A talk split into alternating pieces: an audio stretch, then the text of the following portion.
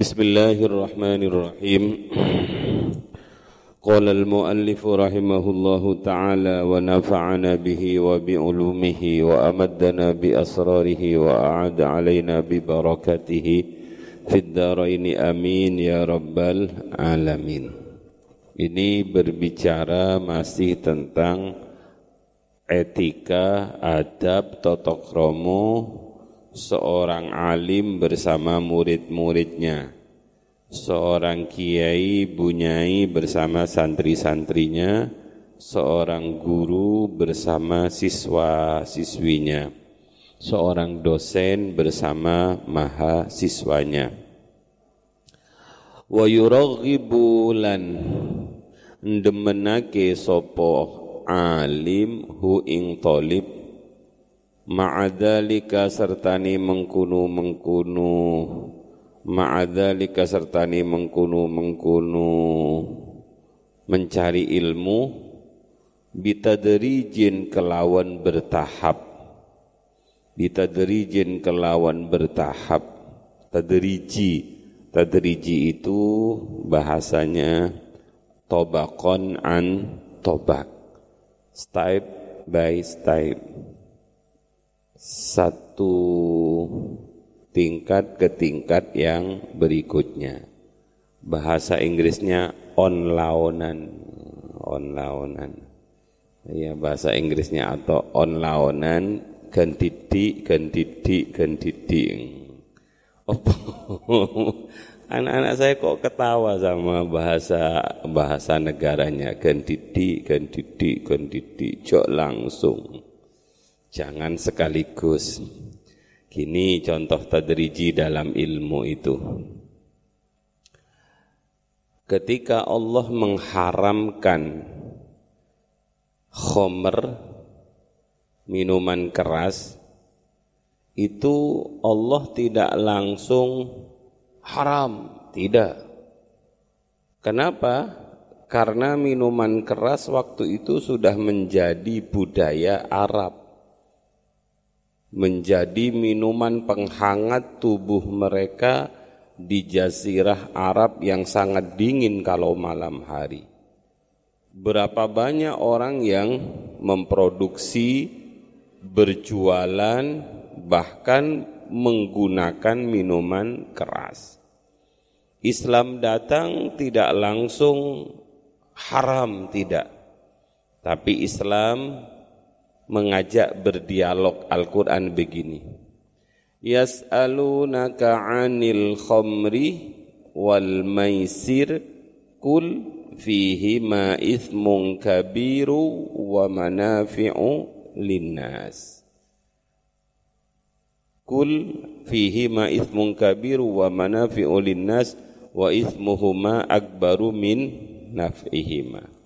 Ketika mereka bertanya kepadamu Muhammad tentang khomer dan maisir, maka katakan fihi ma ismun kabir wa manafi'ul linnas. Secara objektif, Al-Quran menyebut bahwa dalam khomer itu ada dua aspek. Ada aspek positif, ada aspek negatif. Tidak langsung negatifnya dok. Ismun kabir itu dosa besar, wa manafi'u linnas. Tidak bisa dipungkiri khomer dan maisir itu ada beberapa manfaat yang bisa diambil manusia. Salah satunya sebagai komoditas perdagangan. Tapi kemudian ismun kabiru wa manafi'u linnas. Allah memberi penilaian sendiri wa ismuhuma akbaru min naf'ihima. Dosa dari keduanya jauh lebih besar dibandingkan apa itu? Dibandingkan dibandingkan manfaatnya. Kata Sayyidina Umar cukup ayat ini mengisyaratkan kepada saya bahwa Allah menghendaki agar agar apa itu? Agar meninggalkan khomer. Karena Allah sudah bilang ismuhuma akbaru min naf'ihima. Tapi waktu itu khomer belum diharamkan. Selesai. Itu namanya membuat uh, mereka berpikir tentang manfaat maslahat homer. Kayak saya mau ngerayang ngelarang Mas Wahyu ngerokok gitu. Jangan ngerokok. Hmm, antem. Saya akan ajak dialog dialog dia. Rokok itu ada manfaatnya. Apa misalnya ngusir baunya WC. Jadi kalau ke WC ngerokok itu kan nggak kedengaran baunya itunya. Karena kedengaran bau asapnya. Itu bagi WC-WC yang kom kompros, tapi WC-WC yang bagus penghilang bau WC itu nggak seperti itu. Pakai apa itu? Kapur barus. Nah, terus yang kedua, turunlah ayat berikutnya ketika ada sebuah walimah mereka dihidangi makanan dan minuman. Salah satu minumannya adalah homer. Karena homer masih belum diharamkan. Karena orang masih butuh hangatnya minuman homer. En dilalas salah seorang sahabat yang ngimami itu bulet. Qul ya ayyuhal kafirun a'budu ma ta'budun. Wala uh, kayak sampean boleh tuh wa'bud a'bud katanya bud bud bud bud terus akhirnya di belakang mana lakum dinukum waliyadinnya lah ya lakum dinukum waliyadin ini bulat bulatnya bukan bulat-bulat tapi sampai merubah makna Wa ana abidum ma abattum. Saya menyembah apa yang kalian sembah. kacau itu namanya. Saya menyembah patung-patung yang kalian sembah. Saking bulatnya seperti itu sehingga merubah makna turunlah ayat Ya ayyuhalladzina amanu la taqrabus salata wa antum sukaro Wahai orang-orang yang beriman, la taqrabus salata, janganlah kalian mendekati salat. La taqrabus salata mendekati salat wa antum sukaro apabila kalian dalam kondisi apa? Kondisi mabuk. Padahal salat bagi sahabat itu berapa kali? Berapa kali? Ya enggak lima kali kalau sahabat salat itu kan saya dengan kalian lima waktu itu. Hanya ngambil yang wajib-wajib sahabat duha jalan, tahajud jalan, maka tidak ada waktu bagi mereka untuk meminum khamr. Kenapa? Menjelang subuh mereka tahajud sampai subuh. Lah mari subuh ini ada waktu panjang untuk sholat duhur. Tapi mereka sebentar lagi harus sholat du, duha. Kesempatan waktu untuk meminum khamr itu semakin dipersempit oleh Allah. Itu namanya setahap demi setahap. Habis sholat duhur mereka mau minum minuman. Habis sholat subuh mereka sholat duha. Habis sholat duha mereka minum minuman. Itu adalah waktu yang paling efektif untuk bekerja mencari nafkah. Habis sholat duhur mereka ingin minum minuman. Mereka mau istirahat. Sudah mau masuk sholat asar. Habis sholat asar sedikit nanti sudah sholat maghrib. Habis sholat maghrib, wah isanya sebentar saja karena sholat maghrib itu waktunya cukup untuk sholat dan wiritan. Habis sholat isya lah ini waktu mereka untuk bisa meminum homer. Tapi bagi para sahabat lebih bagus dibuat ngaji, dibuat diskusi, dibuat uh, bahsul masail dan lain sebagainya. Pendek kata, waktu untuk meminum khamar itu habis. Nah, begitu mereka para sahabat itu sudah mampu mencegah dirinya dari meminum khamar, turunlah ayat innamal khamru wal maisiru wal azlamu rijzum min amali syaitan fajtanibuhu. Tidak langsung fajtanibuhu tapi innama pakai adat hasar ya innamal khamru wal maisiru wal ansabu wal aslamu diberi predikat rijsun perkara kotor min amali syaitan termasuk perbuatan syaitan. Masa para sahabat mau melakukan perbuatan kotor dan itu adalah perbuatan syaitan? Tidak cukup seperti itu saking tegasnya fajtanibuhu. Jauhilah maka kalian harus menjauhinya inilah yang disebut dengan tadliji Nah, seorang guru seharusnya secara bertahap memberikan rasa cinta kepada muridnya untuk belajar. Untuk belajar. Bitadrijin kelawan bertahap alama ingatasi perkara yu'inu kang nolong apa ma ala tahsilihi ingatasi ngasilake ala tahsilihi ing atase ngasilake ilmu. Minal iktisari saking ngeringkes alal maisuri ing atase kemuduhan wa qadral kifayati lan sekira-kirani secukupi kebutuhan. Wa qadral kifayati lan ukuran butuh kecukupan. Minat dunya saking dunia yes kalau liburan butuh HP ndak? Butuh. Tapi ya sak butuh tutup mulai pagi sampai pagi lagi HP terus. Saya tidak tahu bagaimana anak-anak saya yang di rumah itu sudah pulsanya berapa habisnya. Ya sebutuhnya saja. Sebutuhnya itu mulai pagi sampai pagi itu bukan sebutuhnya itu. Hmm. Eh, qadral kifayah minat dunia. Ambil secukupnya dari urusan dunia. An syughlil qalbi saking sibuke hati. Bita'alluki kelawan gumantung biha kelawan dunia. Pelajar itu tidak identik dengan kemewahan. Pelajar itu identik dengan kesederhanaan sesuai dengan kebutuhan pelajar punya BMW Pelajar punya sedan Mercy. Ya, ngurusi sedan itu. Akhirnya sibuk hatinya ta'aluk dengan dunia. Ketika kalian tidak punya HP, gimana? Enak enggak hati ini? Enak.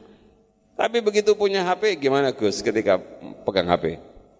Hmm. Susah pengen buka terus. Itu namanya syughlil qalbi bita'alluq biha. Hatinya wis gumantung ambek HP. Tapi HP hari ini tidak bisa dilepas kalau nggak pakai HP nggak bisa ngaji yang di rumah-rumah ini. Ya sebutuhnya untuk ngaji.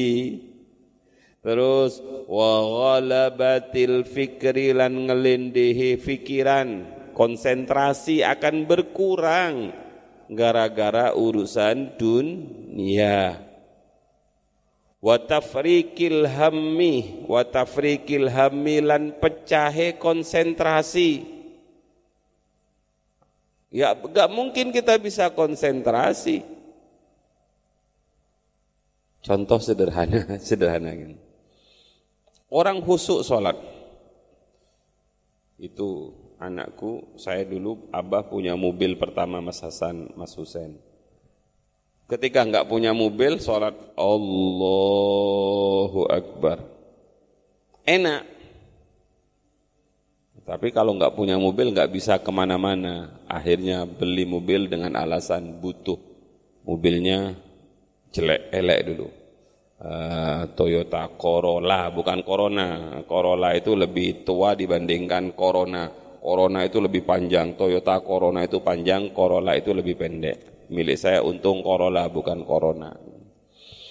Saya punya dengan ibu itu mobil Corolla 74, 74 apa 72 ya, yang setiap berangkat satu kilo macet, satu kilo macet. Begitu keluar Mas Hasan dari rumah itu, papasan ambek rengkek, rengkek penjual itu loh, penjual rengkek, Mas Wayu paham ya, penjual rengkek. Sret, wong saya baru belajaran nyupir yo. Mulai dari depan gini mobilnya kena rengkek. Seret catnya rusak. Ketika sholat Allahu Akbar piron teh ngecat iku ya ya Allah Allahu Akbar panjene tukang rengkek iku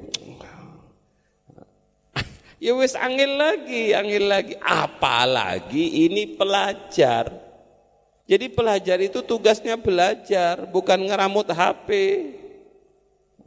bukan ngeramut-ngeramut dunia. pasti tafrikil hammi konsentrasinya pecah, nggak fokus.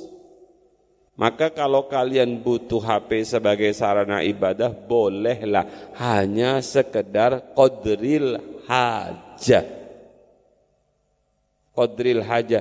Al hajatu qad tanzilu manzilatad darurat. Darurat sekarang punya HP butuh sekarang punya HP karena kalau nggak punya HP nggak bisa ujian online ya nggak bisa munakosa online nggak bisa seminar online nggak bisa ngaji online tapi ala qadril haja ojo diterus-terus nuni wes mari yo mari taruh hmm. Wallah, gini Wallahu alam bisawab Rabbi famfana ya sudah taruh. Ambil Qur'annya. Nanti wayang ngaji buka lagi, bukan iki terus Qur'annya di Katanya cemburu Qur'annya pada HP-nya. Nah. Tapi dalam HP kan ada Quran, iya berapa buka Qur'annya dibandingkan buka yang lain. Wa tafrikil hammi bisababiha kelawan sebab dunia. Bisababiha kelawan sebab dunia. Fa innan siraf saya jadi teringat ada sebuah cerita. Ada seorang ayah ngantar anaknya ke kolam renang anaknya mandi di kolam renang belajar renang pakai itu loh yang bunder itu. Tahu-tahu ada telepon ayahnya. Akhirnya nelpon ayahnya asik ambek konconi. Lupa kepada anaknya yang sedang belajar berenang. Nelpon itu kan kadang-kadang keasikan. Sampai lama kan nggak terus kan nggak kerasa kan sama sih antara ngaji Quran dengan telepon itu kan hampir sama kan. Kalian kalau ngaji Quran kan nggak kroso suwini, pero suwini. Wiritan kan nggak kroso suwini. Podo ambek HP-an. Uh, orang tua ini saking asiknya berhapean dengan relasinya, lupa kalau sedang menjaga anaknya. Begitu, nggih, sampun, iya wis, bye bye bye. Assalamualaikum. Noleh, anak wis mati. Kenapa? Karena anak ini jungkir, gak ketahuan gara-gara nah, sudah tidak bisa dibeli lagi ke mana anak. Fa innan sirafal qalbi korono sak temani berpalingnya hati anta'allukil atma'i saking gumantung kepingin piro-piro kesenangan bidunya kelawan dunya wal iktsari lan ngakeh-ngakehe minha saking dunya wa ta'assufilan merasa tenang ala faitiha ing ilangi dunya iku ajma'u luweh ngumpulake liqalbihi marang atini murid. Enggak mungkin hati kita ini satu tidak bisa pecah-pecah kalau sudah hati ini terisi dengan dunia, maka susah terisi dengan yang lain. Kalau dalam dunia tasawuf, kalau hati ini terisi dengan hubbud dunya, hubbul mal, hubbul jah, hubbur riyasa, hub hub hub hub yang lain, maka hubnya untuk Allah nggak ada tempat. Itu sudah sudah kapasitasnya hati ini kan ada kapasitasnya seperti mobil yang kapasitasnya penumpangnya kalau Grand Max itu berapa sih? Ya jangan pakai ukuran Grand Max-mu itu. Grand Max-mu itu ukurannya 7 orang diisi 17 orang. Hmm. Iya ukurannya mobil kapasitasnya berapa? Kalau penumpangnya isinya 4 ya kalau sudah terisi 4 yang kelima susah masuk, yang keenam susah masuk, yang ketujuh susah masuk kalau otak kita, pikiran kita sudah terpenuhi dengan dunia, di sini ada HP, di sini ada sepeda motor, di sini ada namanya si fulana, misalnya Mbak Mbak A, di sini ada Mbak B, di sini ada Mbak C, di sini ada bakso. Ya sudah selesai ilmunya di mana? Ya gak ada ilmunya, ilmunya di atas kopiah. Nah, makanya uh, Bahashim itu mengatakan kosongkan, kosongkan dari ta'alluq terhadap dunia karena hari ini adalah hatimu diperuntukkan untuk ilmu. Kalau semuanya itu tidak ada dalam hati kita, maka ajma'alil qalbihi wa arwaha. Wa arwahalan luweh nentremake lidinihi marang agamani tolib murid santri. Wa asyrafa li nafsihi lan luweh ake wa asyrafa lan luweh ake wa asyrafa lan luweh ake wa asyrafu lan luweh ake li nafsihi marang atini atau awae murid atau tolib wa a'la lan luweh ake li makanatihi marang derajate tolib lihat itu kalau pelajar itu tidak sibuk hatinya dengan dunia, pikirannya dengan dunia, maka akan menjadikan hatinya tenang, agamanya damai, dirinya mulia, derajatnya tinggi. Selanjutnya wa aqalla wa aqallu lan luwe setitik wa aqallu lan luwe nyetitikake li hasadihi lihasadihi marang piro-piro wong kang hasute murid. Kalau kamu hidup sederhana, siapa yang mau hasut sama kamu? Abil gak punya apa-apa misalnya. Lapo aku hasut nang Abil. Enggak akan ada santri yang lain hasut sama mobil kalau kamu gak punya apa-apa. Tapi kalau kamu punya segala-galanya, kamu ke pondok bawa ninja. Misalnya, bawa Kawasaki Ninja, HP-nya apa ya HP yang paling bagus tuh? Saya tidak pernah beralih dari Oppo soalnya. HP-mu Apple misalnya. Apple itu kalau nggak Apple atau Duren gitu loh HP-mu. Wah, kamu bergaya seperti itu, koncomu, wena ya iku. Semakin banyak apa ya dunia kita semakin banyak fasilitas yang kita punyai, maka semakin banyak pula orang yang hasut pada kita. Ingat, kullu nikmatin mahsud. Kullu nikmatin mahsud. Setiap orang yang punya kenikmatan tidak akan lepas, akan dihasuti. Lah kalau masa belajarnya sudah seperti itu, ya sudah hilang waktu cemerlangnya. Jadi fasilitas-fasilitas itu lebih bagus kalau kalian punya ketika kamu sudah berhasil sukses. Wa ajdaru lan luweh memudahkan wa ajdaru lan luweh memudahkan li hifdzil ilmi kanggo ngapalake ilmu. Lapo setoranmu bulet terus. Lapo kak lancar. Menganu tadi malam daring daring opo daring ambek konco-konco itu tutup daring itu namanya kering itu kalau daring itu ambek guru eh, sudah. Wa ajdaru li hifdzil ilmi lebih memudahkan untuk menghafal ilmu. Wasdiyadihi lan tambai ilmu. Wes pahami betul itu dan berusaha mengamalkan. Bahasim kemudian dawuh walidza lan kronu iki-iki. Dulu kiai saya sangat apa ya sangat telaten makna itu. Saya kan orang Madura yang susah bahasa Jawanya. Kalau lida itu krono iki-iki. Kalau lika krono iku-iku. Mengkono mengkono walidalan krono iki-iki.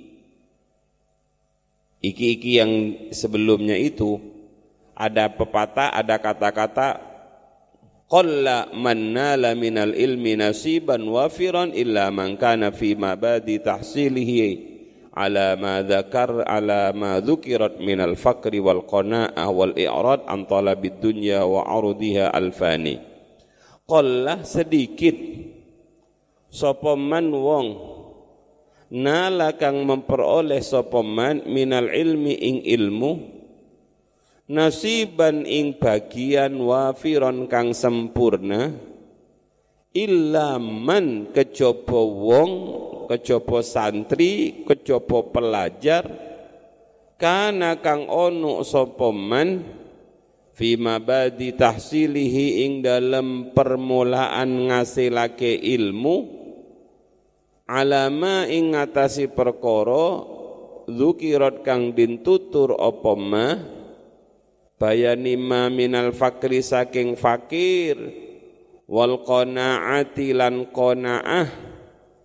Wal i'radi lan mingu. Berpaling. Antalabid dunya saking nyuprih dunya.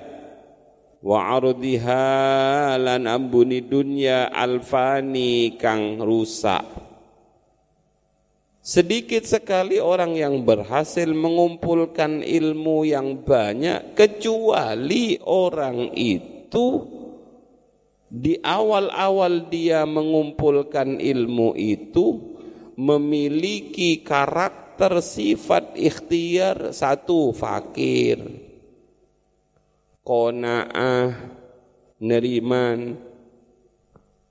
Neriman itu apa? Ya apa yang di apa yang dihidangkan itulah yang dimakan. Di pondok itu apa yang dihad, apa yang dihidangkan itulah rezeki kamu. Tapi kadang-kadang kadang-kadang ada sih model-model santri sebelum lockdown ini, sebelum corona datang ini, sudah ada tempe, sudah ada tahu, sudah ada tumis, sudah ada nasi, tapi enggak selera, ada enggak? Ke mana dia ketika tidak selera? Ke warung. Nah, itu namanya santri, ini namanya santri apa kos ini? Iya itulah yang ada rezeki kamu. Lah, kalau sudah seperti itu jarang yang akan berhasil. Kenapa? Kalau dia makan apa yang mendapat apa yang ada di depannya itu waktunya selesai. Misalnya jam 7 dia makan, 7 seperempat selesai. Tapi kalau dia tidak menerima dengan ini, dia akan keluar. Keluar itu butuh waktu. Begitu ke warung, antri makan. Begitu makan, keluar nasinya, gak selesai, pengen ngopi, delok koncong ngerokok pingin ngerokok. Akhirnya jam 8 seperempat dia baru pulang. Yang lain satu jam sudah bisa dibuat ngapalkan. Nah, makanya biasanya orang yang nggak neriman itu orang sukses. Kenapa? Ya dia nggak neriman ing pandum. Sudah. Wasali utawi adab yang ketiga Katanya Mbah Hashim, adab seorang kiai terhadap santri, seorang guru terhadap siswa, seorang dosen terhadap mahasiswa, yang ketiga adalah ayyuhibbah yento cinta. Sopo alim li talibihi marang. Sopo iku? Santri ni alim awas Jangan ditambah lu waruk lito libatihi gitu. Enggak guru al ustad ya kulut tilmidah ini. Ini seorang kiai harus sayang, harus cinta kepada santrinya. Seorang guru harus senang, cinta terhadap muridnya. Itu faktor yang menjadikan suksesnya seorang murid Seorang dosen harus sayang terhadap mahasiswanya. Maing barang yuhibbu kang demen sopo sopo sopo alim linapsihi marang awak dewe ni alim. Kama koyo keterangan waroda kang tumeka apa ma fil hadisi ing dalam hadis mencintai uh, menyenang menyenangi muridnya sebagaimana dia mencintai dirinya sendiri. Wa yaqrahu lan keting. Sopo alim lahu marang tolib ma ing perkara-perkara yaqrahu kang keting sopo alim. Linapsihi marang awak dhewe ni alim. Perlakukan murid itu seperti engkau memperlakukan dirimu. Apa yang kau senangi, itulah yang harus diberikan kepada muridmu. Apa yang tidak kau senangi, jangan kau berikan kepada muridmu. Inilah kelebihan pesantren. Inilah kelebihan pondok. Karena guru-guru asatid, karena kiai bunyai itu menganggap santri itu seperti anaknya sendiri bingung. Beda banget dengan kos-kosan. Istri saya itu kalau ada anak amanah putri, asar belum pulang dari sekolah wis bingung. Maghrib gak ono wis bingung. Misalnya maghrib anak itu kok nggak ikut jamaah ditakoi mana si Fatimah ini? mana si ini, si Dewi ini, mana si Siti ini. Anu bu, boten paham niki sampai maghrib dereng kundur saking sekolah. Ya Allah nang di nang di, wis bingung nih. Ibu kos, ibu kos gimana kalau nggak pulang? Babah yang penting bayar kos kan. Kalau kiai itu bingung, santrinya gak ono satu hari itu bingung. Kenapa? Karena bagi dia jangan sampai terjadi sesuatu yang tidak baik terhadap terhadap muridnya. Dia mencintai muridnya seperti dia mencintai dirinya sen, sendiri. Inilah kelebihan dunia pesantren sehingga mampu menghasilkan orang-orang hebat karena diawali dari kiai dan bunyainya yang apa ya mendidik dengan hati bukan mendidik dengan bukan mendidik dengan otak.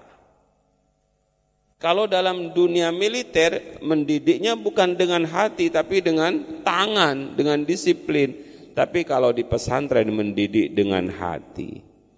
Di samping itu malam didoakan. Inilah yang katanya Mbah Hasim ayyuhibba li talibihi ma yuhibbu li nafsihi wa ayyaqraha lahu wa ayyaqrahu lahu ma yaqrahu li nafsihi. Wa ya'tani lan memperhatikan. Wa ayya'taniya lan yento memperhatikan sopo alim bimasalihi talibi kelawan piro-piro kemaslahatannya murid. Bimasalihi talibi kelawan piro-piro kemaslahatani talib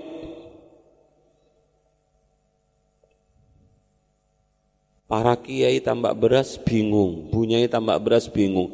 Ini santri ini kalau terus-terusan di sini, corona mengancam, wis dibalik nunang omah. Karena berpikir kemaslahatannya santri. Hari ini berpikir lagi sudah tiga bulan, hampir empat bulan santri itu di rumah.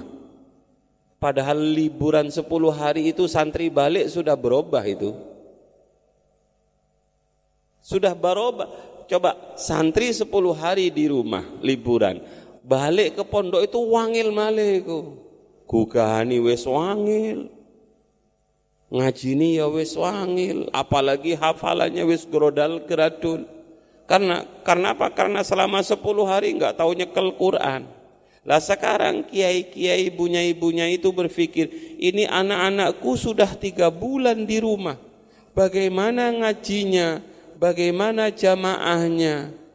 Padahal ketika di pondok setiap hari lima waktu dia berjamaah wiritan. Kalau Senin dia berpuasa, kalau Kamis berpuasa, malam dia tahajud. Subuh dia dipecuti oleh keamanannya. Lah ini lima, uh, tiga bulan di rumahnya gimana jamaah subuhnya?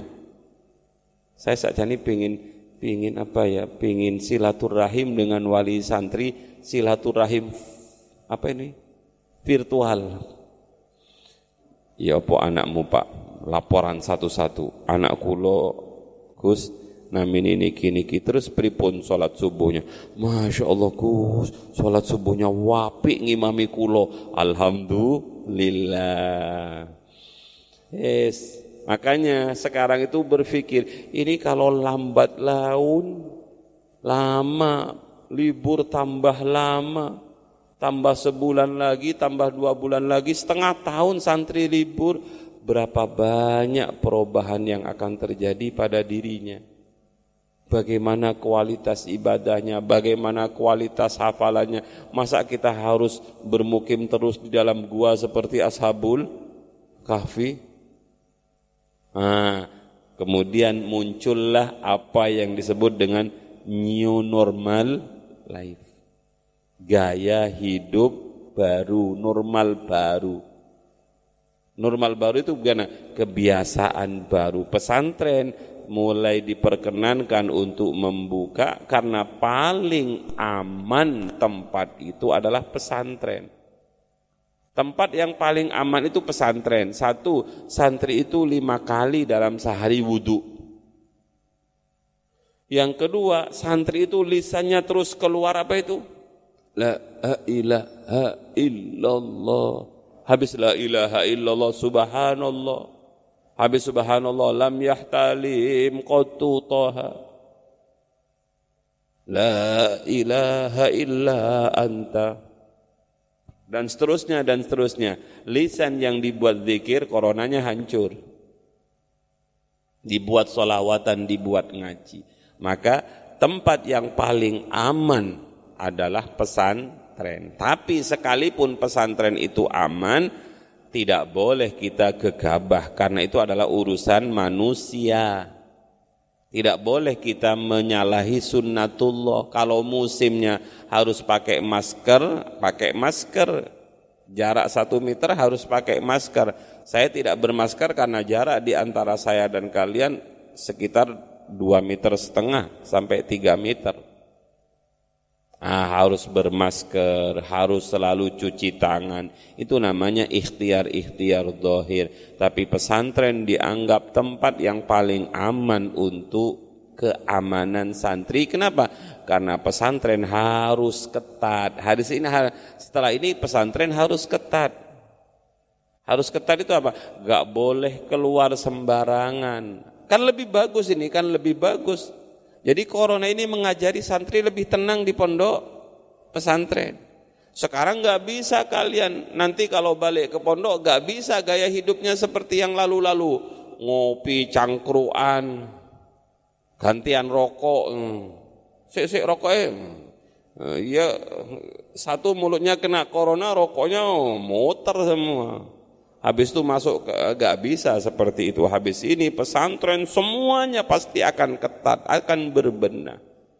Nah, ini hikmah di balik corona, di balik gus covid ini. Tambah bagus pesantren, tambah bersih pesantren. Kalau kemarin makan satu piring berapa orang itu? Satu nampan sepuluh orang, hmm, ada ada yang batuk,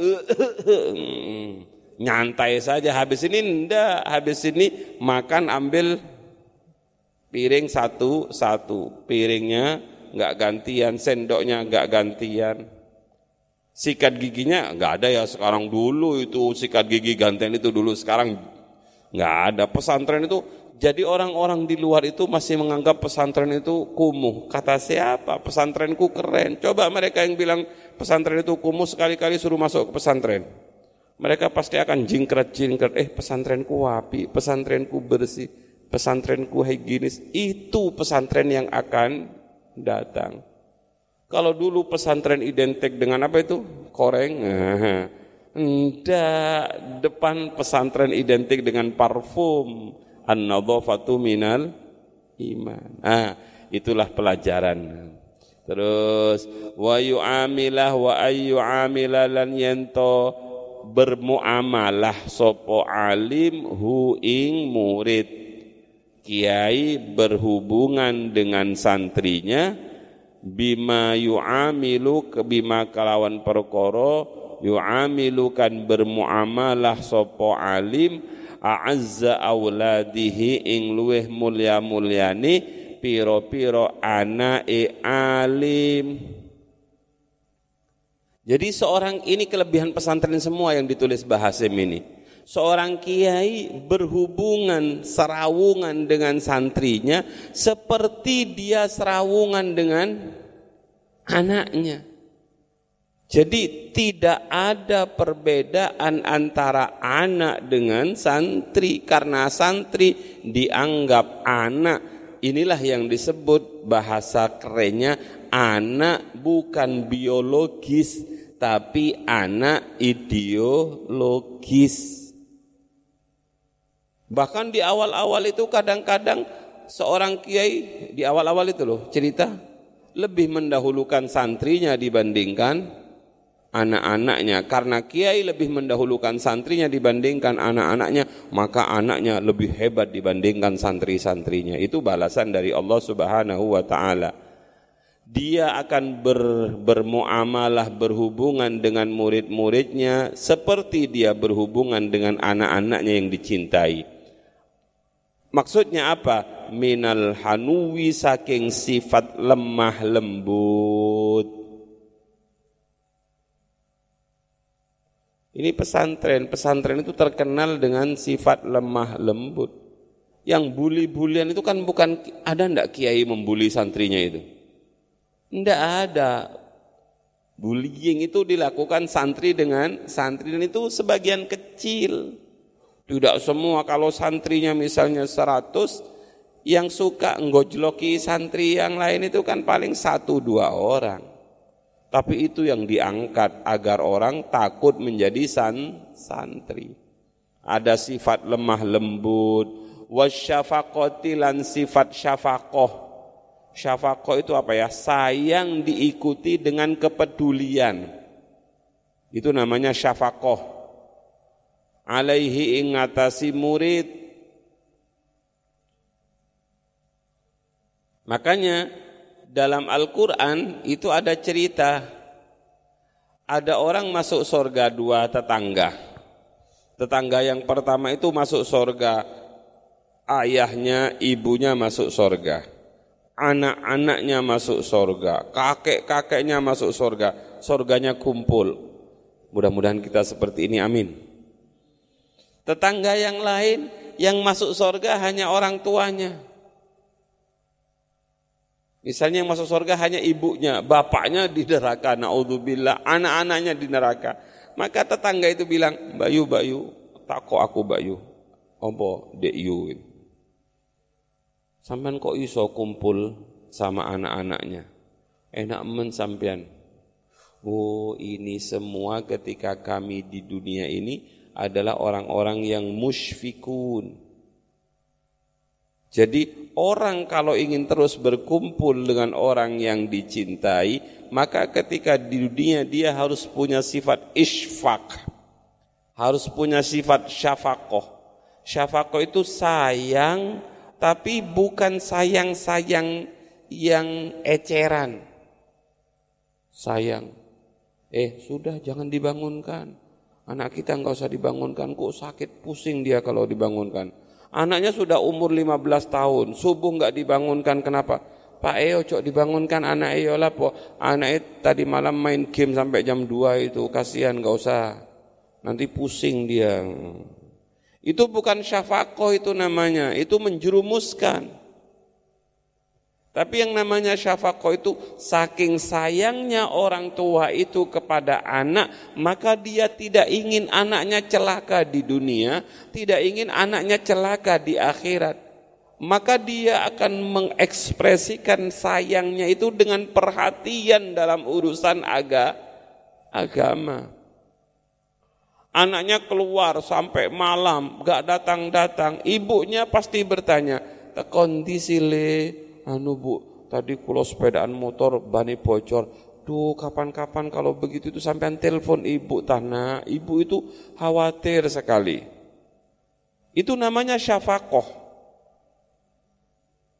Tapi ada orang yang anaknya wis mulah mulih karepmu gak mulih yo karepmu itu namanya bukan sayang itu yang penting ATM-nya diisi bukan sayang lah santri guru terhadap murid kiai terhadap santri seperti itu. Dia memperlakukan santrinya seperti memperlakukan anaknya sendiri. Makanya sangat wajar apabila pesantren dianggap tempat terbaik untuk menciptakan kader-kader penerus kiai. Lah hari ini kita diuji, sudah tiga bulan kita libur. Wal ihsani lan ngapi'i wal ihsani lan ngapi'i ilaihi marang murid jadi selanjutnya seorang kiai seorang bunyai al ihsan ilaihi oh ini yang berat ini wasabri ala jafaihi wasabri lan sabar ala jafaihi ing ngatasi wangkote murid Eh, dengarkan. Yang datang ke pesantren itu dengan berbagai background. Yang datang ke pesantren itu dengan berbagai macam jenis keluarga. Ada yang keluarga di rumahnya harmonis, bapak ibunya pegang Quran, jamaahnya bagus, bapaknya ketua ranting, ibunya ketua muslimat ranting, biasa dibaan, masuk santri ke pondok pesantren enteng. Hanya sekedar ngisi ilmu. Tapi juga ada pesantren yang disebut pesantren bengkel moral. Kenapa? Kulot kemarin itu ada ada yang telepon saya. Saya tidak sebut dari daerah mana. Dia bilang kepada saya, Kiai, saya akan memondokkan keponaan saya. Ya bismillah mudah-mudahan hasil diparingi ilmu manfaat barokah. Tapi Masya Allah kiai ponaan saya ini dablek luar biasa. Bapak ibu pun angkat tangan. Terus gimana mau kulo kirim ke cendengan. Hah?